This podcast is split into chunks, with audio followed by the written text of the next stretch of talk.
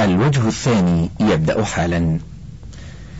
سؤال طالعتنا صحيفة الرياض في عددها برقم ستة آلاف وأربعمائة وأحد عشر بتاريخ الأول من جماد الأولى سنة ست وأربعمائة وألف هجرية والمرفق صورة منه تحت عنوان الذبح على عتبة المنزل الجديد.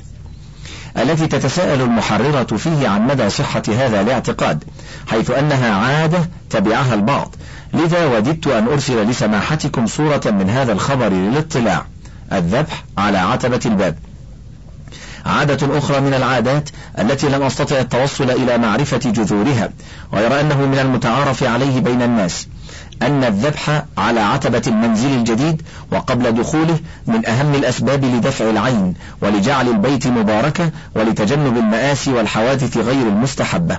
ولأننا نؤمن بأنه لا ينفع حذر من قدر لذا لا ندري بالضبط صحة هذا الاعتقاد غير أن هذه النقطة مناسبة للتوقف عندها.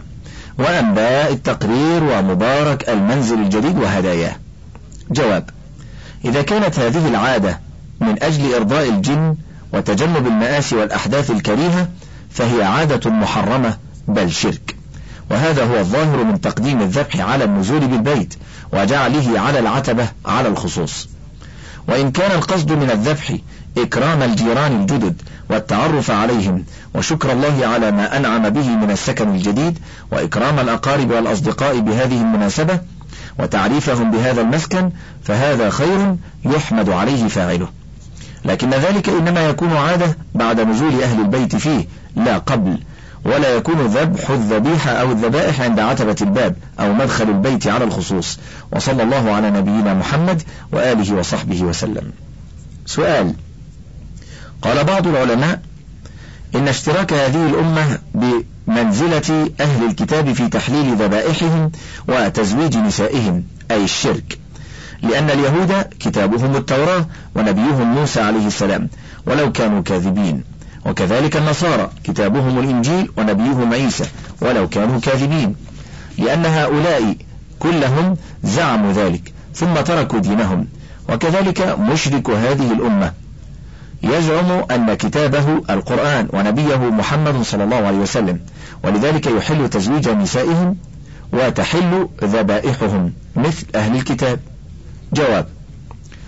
ليس من آمن بمحمد صلى الله عليه وسلم ثم أشرك مع الله غيره بالسجود لغير الله أو النذر أو الذبح لغير الله مثل أهل الكتاب بل هو مرتد يستتاب ثلاثا بعد بيان الحق بدليله وإرشاده إليه فإن تاب وإلا قتل وماله لبيت مال المسلمين.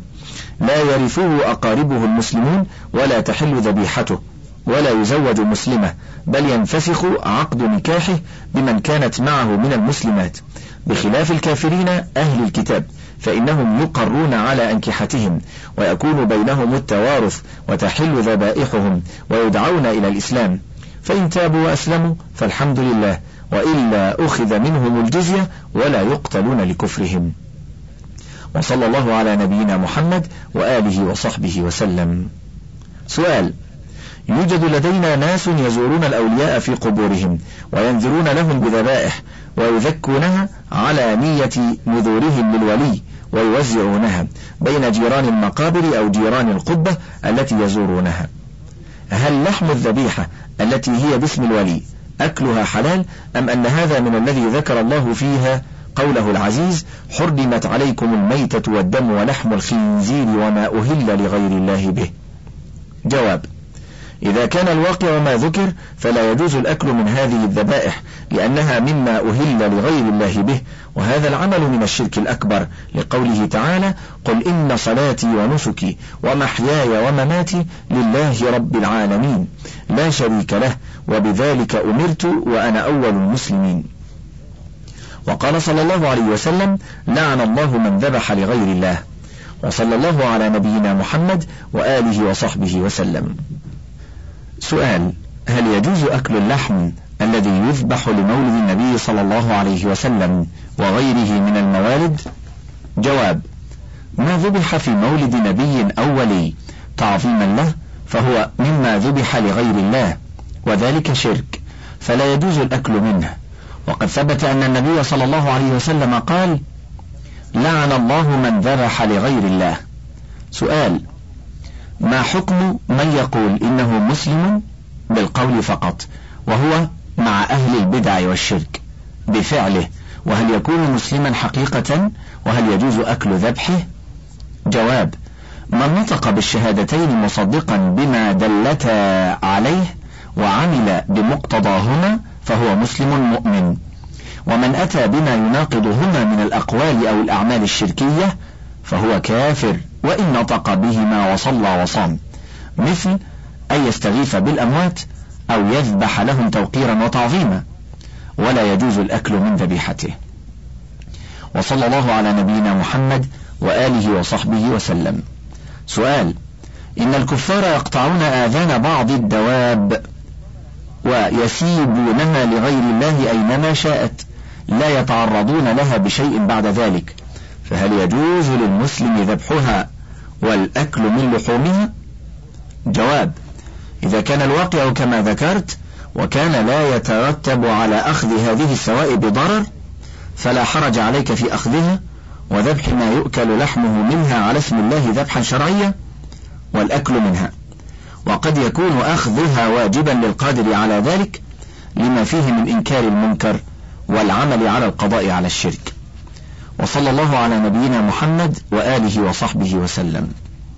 سؤال في حالة وقوع خصام أو مشاجرة بين اثنين أو ثلاثة أو أكثر على أي شيء يكون؟ فإن كبار القرية أو شيخ القبيلة يحضر للنظر فيما بين المتخاصمين.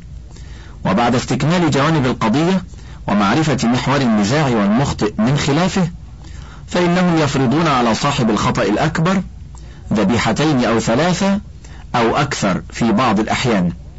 وعلى الآخر صاحب الخطأ الأقل ذبيحة واحدة. بالإضافة إلى بعض الأشياء التي قد يحصلون عليها من المتخاصمين. ويقوم كل واحد منهم بذبح الذبائح التي توجبت عليه. ويحضر أكلها الجماعة والعذور الذين حكموا في القضية. وسواء كان المتخاصمون فقراء أو أغنياء فلازم لا مناص لهم من هذه الأحكام. وتسمى هذه العادة البرهة أو العتامة كما يقولون. وهم في معظم القضايا لا يتصلون بالدوائر الحكومية هناك لفض نزاعاتهم.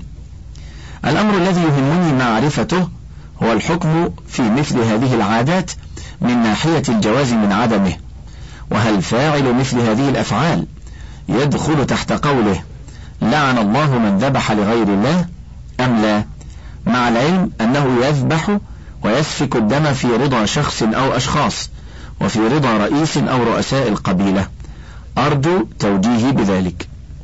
جواب التحكيم في الخصومات لإظهار خطأ المخطئ والانتصار للمعتدى عليه وإصلاح ذات البين والفصل في المنازعات بالحق الذي جاءت به شريعة الإسلام حق مشروع بالكتاب والسنة. قال الله تعالى أعوذ بالله من الشيطان الرجيم. وإن طائفتان من المؤمنين اقتتلوا فأصلحوا بينهما فإن بغت إحداهما على الأخرى فقاتلوا التي تبغي حتى تفيء إلى أمر الله فإن فاءت فأصلحوا بينهما بالعدل وأقسطوا. إن الله يحب المقسطين. سورة الحجرات. وقال لا خير في كثير من نجواهم إلا من أمر بصدقة أو معروف أو إصلاح بين الناس ومن يفعل ذلك ابتغاء مرضات الله فسوف نؤتيه أجرا عظيما. سورة النساء. أما الذبائح التي يذبحها الطرفان المختصمان قليلة أو كثيرة عقب الانتهاء من الخصومة بالصلح.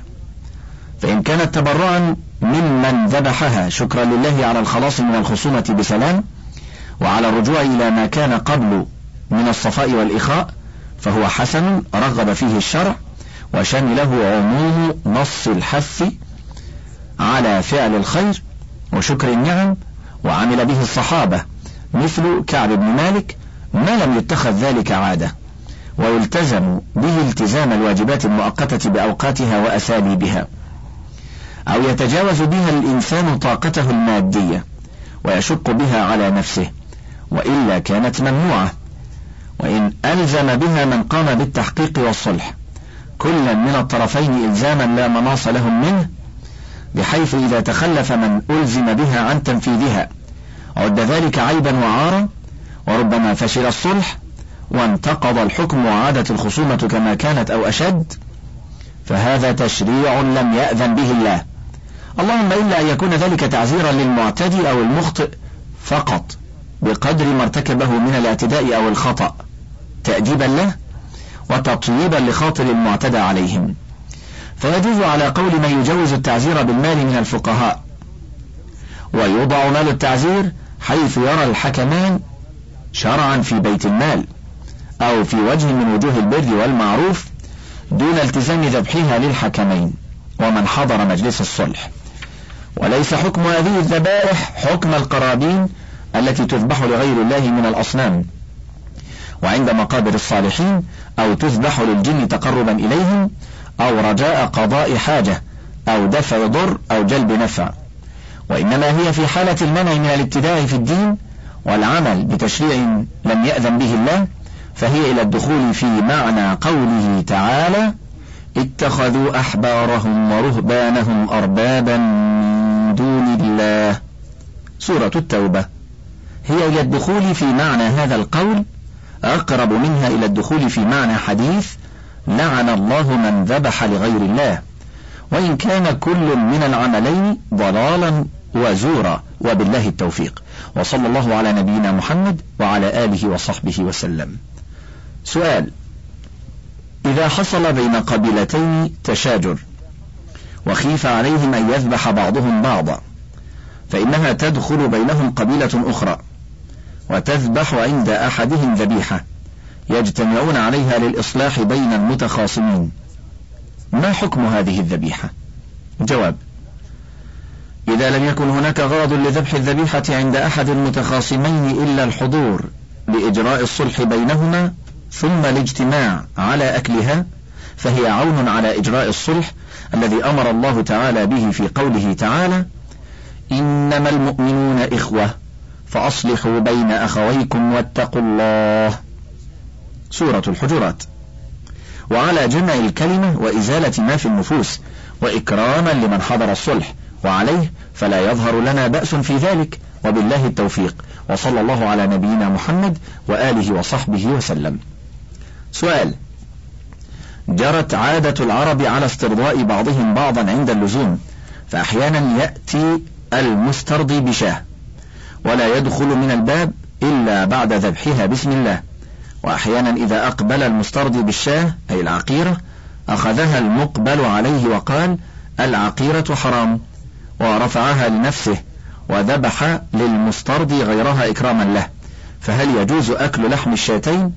أو أحدهما أو لا يجوز؟ جواب. ذبح الإنسان شاة أو نحوها لغيره قد يكون القصد منه إكرامه بتقديم الذبيحة إليه. طعاما يأكل منه هو ورفقاؤه ومن دعي إلى الأكل معهم مثلا. فهذا جائز بل حثت عليه الأحاديث الصحيحة ورغبت فيه. فقد ثبت من حديث أبي هريرة رضي الله عنه عن النبي صلى الله عليه وسلم أنه قال من كان يؤمن بالله واليوم الآخر فليكرم ضيفه. رواه مسلم الحديث. وثبت من حديث أبي شريح الكعبي عنه صلى الله عليه وسلم أنه قال من كان يؤمن بالله واليوم الآخر فليكرم ضيفه جائزته يوم وليلة والضيافة ثلاثة أيام فما بعد ذلك فهو صدقة ولا يحل له أن يأوي عنده حتى يحرجه. رواه البخاري ومسلم وغيرهما. وقد يكون القصد من الذبح مجرد إعظامه وتكريمه سواء قدمت الذبيحة بعد ذلك طعاما لأكله أم لا. فذلك غير جائز بل هو شرك يجيب اللعنة لدخوله في عموم الذبح لغير الله. وقد ثبت عن علي رضي الله عنه أنه قال حدثني رسول الله صلى الله عليه وسلم بأربع كلمات لعن الله من ذبح لغير الله لعن الله من لعن والديه لعن الله من آوى محدثا. لعن الله من غير منار الأرض. وعلى هذا لا يجوز الأكل من هذه الذبيحة ولو ذكر الذابح عليها اسم الله لأن الأعمال بالنيات وهذه قصد بها تقديم عقيرة تحية لغير الله إعظاما ومجرد تكريم له لا لأكله منها. أما إن قدمها حية فأخذها المفترض وذبحها للضيوف أو ذبح غيرها للضيوف فيجوز الأكل من كل منهما لكونها لم تذبح لإعظامه. وصلى الله على نبينا محمد وآله وصحبه وسلم.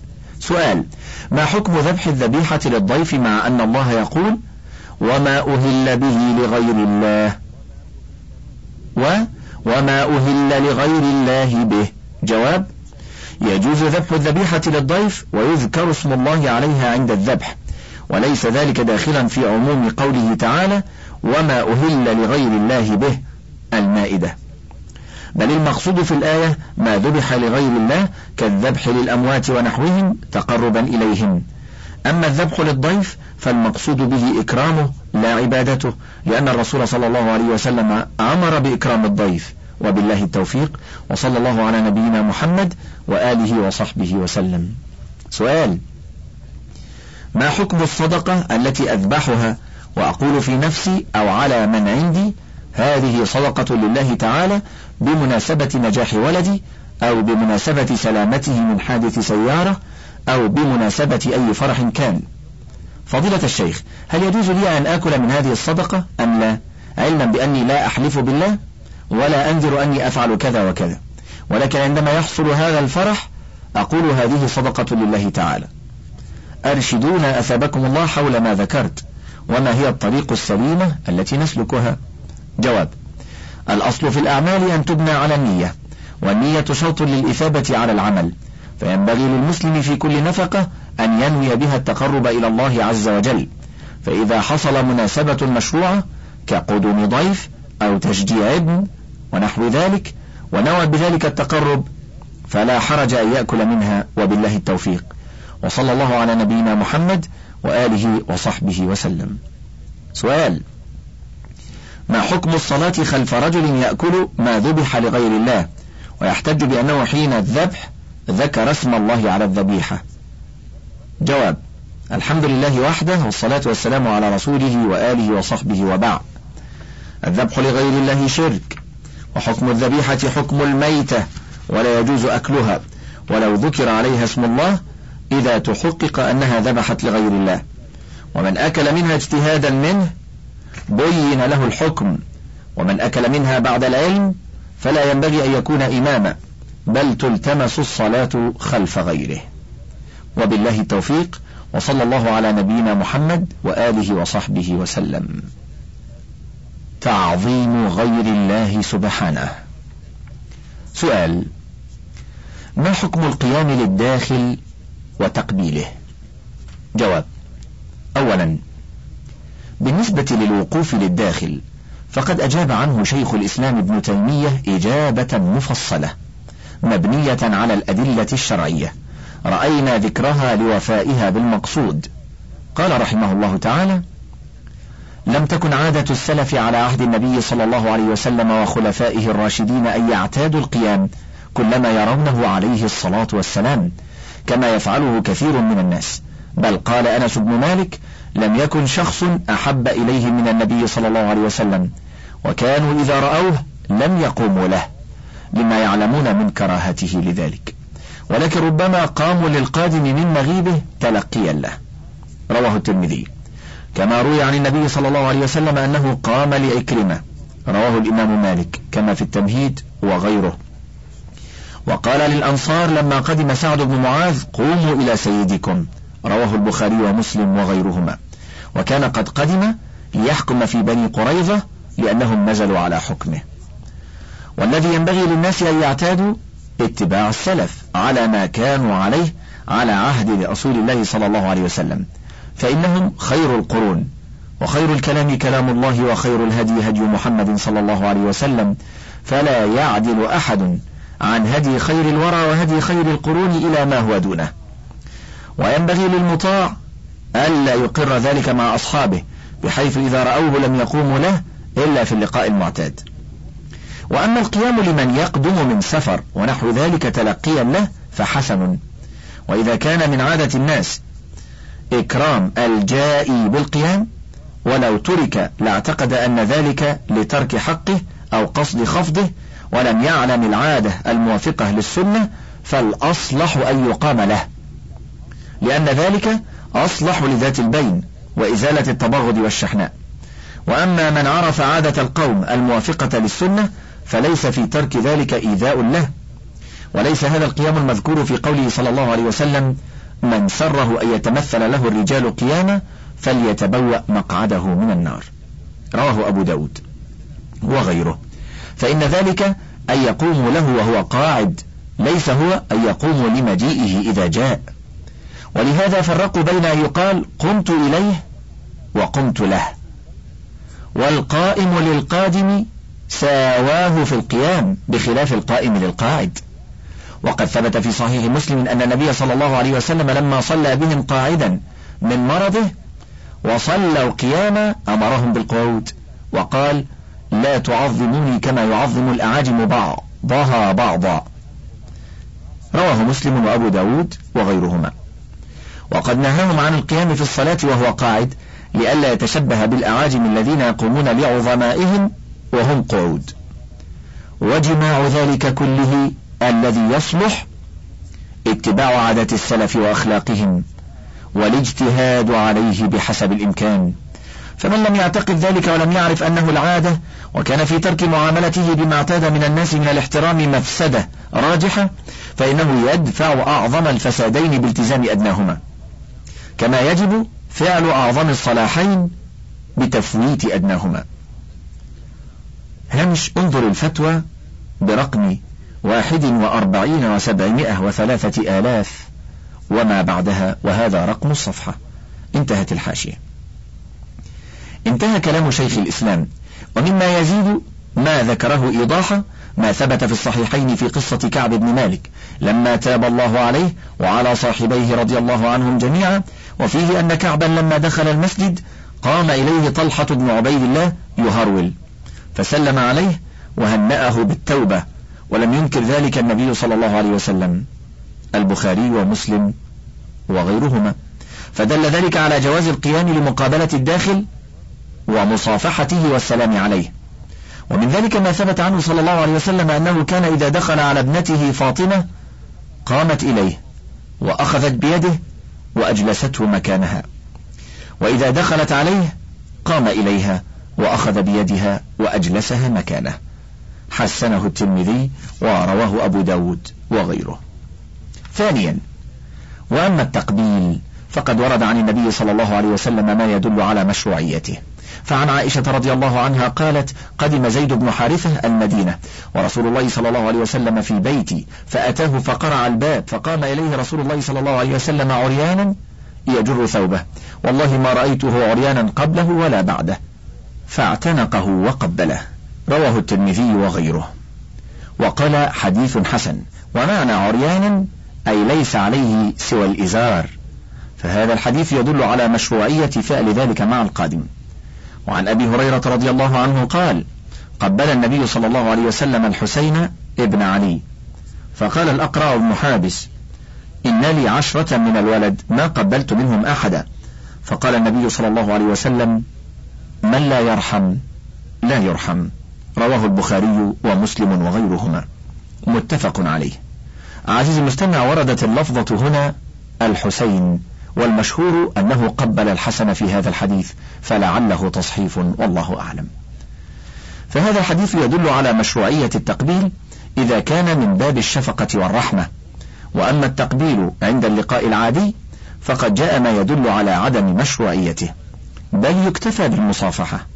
فعن قتادة رضي الله عنه قال قلت لأنس أكانت المصافحة في أصحاب رسول الله صلى الله عليه وسلم؟ قال نعم. رواه البخاري. وعن أنس رضي الله عنه قال لما جاء أهل اليمن قال رسول الله صلى الله عليه وسلم قد جاء أهل اليمن وهم أول من جاء بالمصافحة. رواه أبو داود بإسناد صحيح. وعن البراء رضي الله عنه قال قال رسول الله صلى الله عليه وسلم ما من مسلمين يلتقيان فيتصافحان إلا غفر لهما قبل أن يفترقا. رواه أبو داود وغيره. وعن أنس رضي الله عنه قال قال رجل يا رسول الله الرجل منا يلقى أخاه وصديقه أينحني له؟ قال لا. قال أفيلتزمه ويقبله؟ قال لا. قال فيأخذ بيده فيصافحه؟ قال نعم. رواه الترمذي. وقال حديث حسن كذا قال وإسناده ضعيف لأن فيه حنظلة السدوسي وهو ضعيف عند أهل العلم لكن لعل الترمذي حسنه لوجود ما يشهد له في الأحاديث الأخرى. وروى أحمد والنسائي والترمذي وغيرهم بأسانيد صحيحة وصححه الترمذي عن صفوان بن عسال أن يهوديين سألا النبي صلى الله عليه وسلم عن تسع آيات بينات فلما أجابهما عن سؤالهما قبل يديه ورجليه وقال نشهد أنك نبي الحديث رواه الإمام أحمد والترمذي والنسائي في المجتبى وابن ماجه. وروى الطبراني بسند جيد عن أنس رضي الله عنه قال كان أصحاب النبي صلى الله عليه وسلم إذا تلاقوا تصافحوا وإذا قدموا من سفر تعانقوا رواه الطبراني كما في مجمع الزوائد للهيثمي في الجزء الثامن في الصفحة السادسة والثلاثين. وذكره العلامة ابن مفلح في الآداب الشرعية. وصلى الله وسلم على نبينا محمد وآله وصحبه وسلم. السؤال الثاني من الفتوى رقم ثلاثة عشر ومئة وسبعة آلاف. هل من الإسلام إذا سلم أحد على أخيه أن ينحني له تعظيما أو يخلع عليه وينحني له تعظيما لأن هذا كله من عادة آبائنا. ولذلك أرجو منكم بيانا شافيا من فضلكم. جواب لا يجوز الانحناء عند السلام ولا خلع النعلين له. وبالله التوفيق وصلى الله على نبينا محمد وآله وصحبه وسلم. وكذلك انخرطنا في نادي من نوادي الكاراتيه بأمريكا. وقال المدرب إنه يجب أن تنحني عندما ينحنى لك. فرفضنا وشرحنا له ذلك في ديننا فوافق. ولكن قال على أن نحني فقط الرأس لأنه هو يبدأك بالانحناء فلا بد أن ترد تحيته. فما رأي فضيلتكم في ذلك؟ جواب لا يجوز الانحناء تحية للمسلم ولا للكافر لا بالجزء الأعلى من البدن ولا بالرأس لأن الانحناء تحية عبادة والعبادة لا تكون إلا لله وحده. وصلى الله على محمد. انتهى الشريط الرابع من كتاب فتاوى اللجنة الدائمة وله بقية على الشريط الخامس.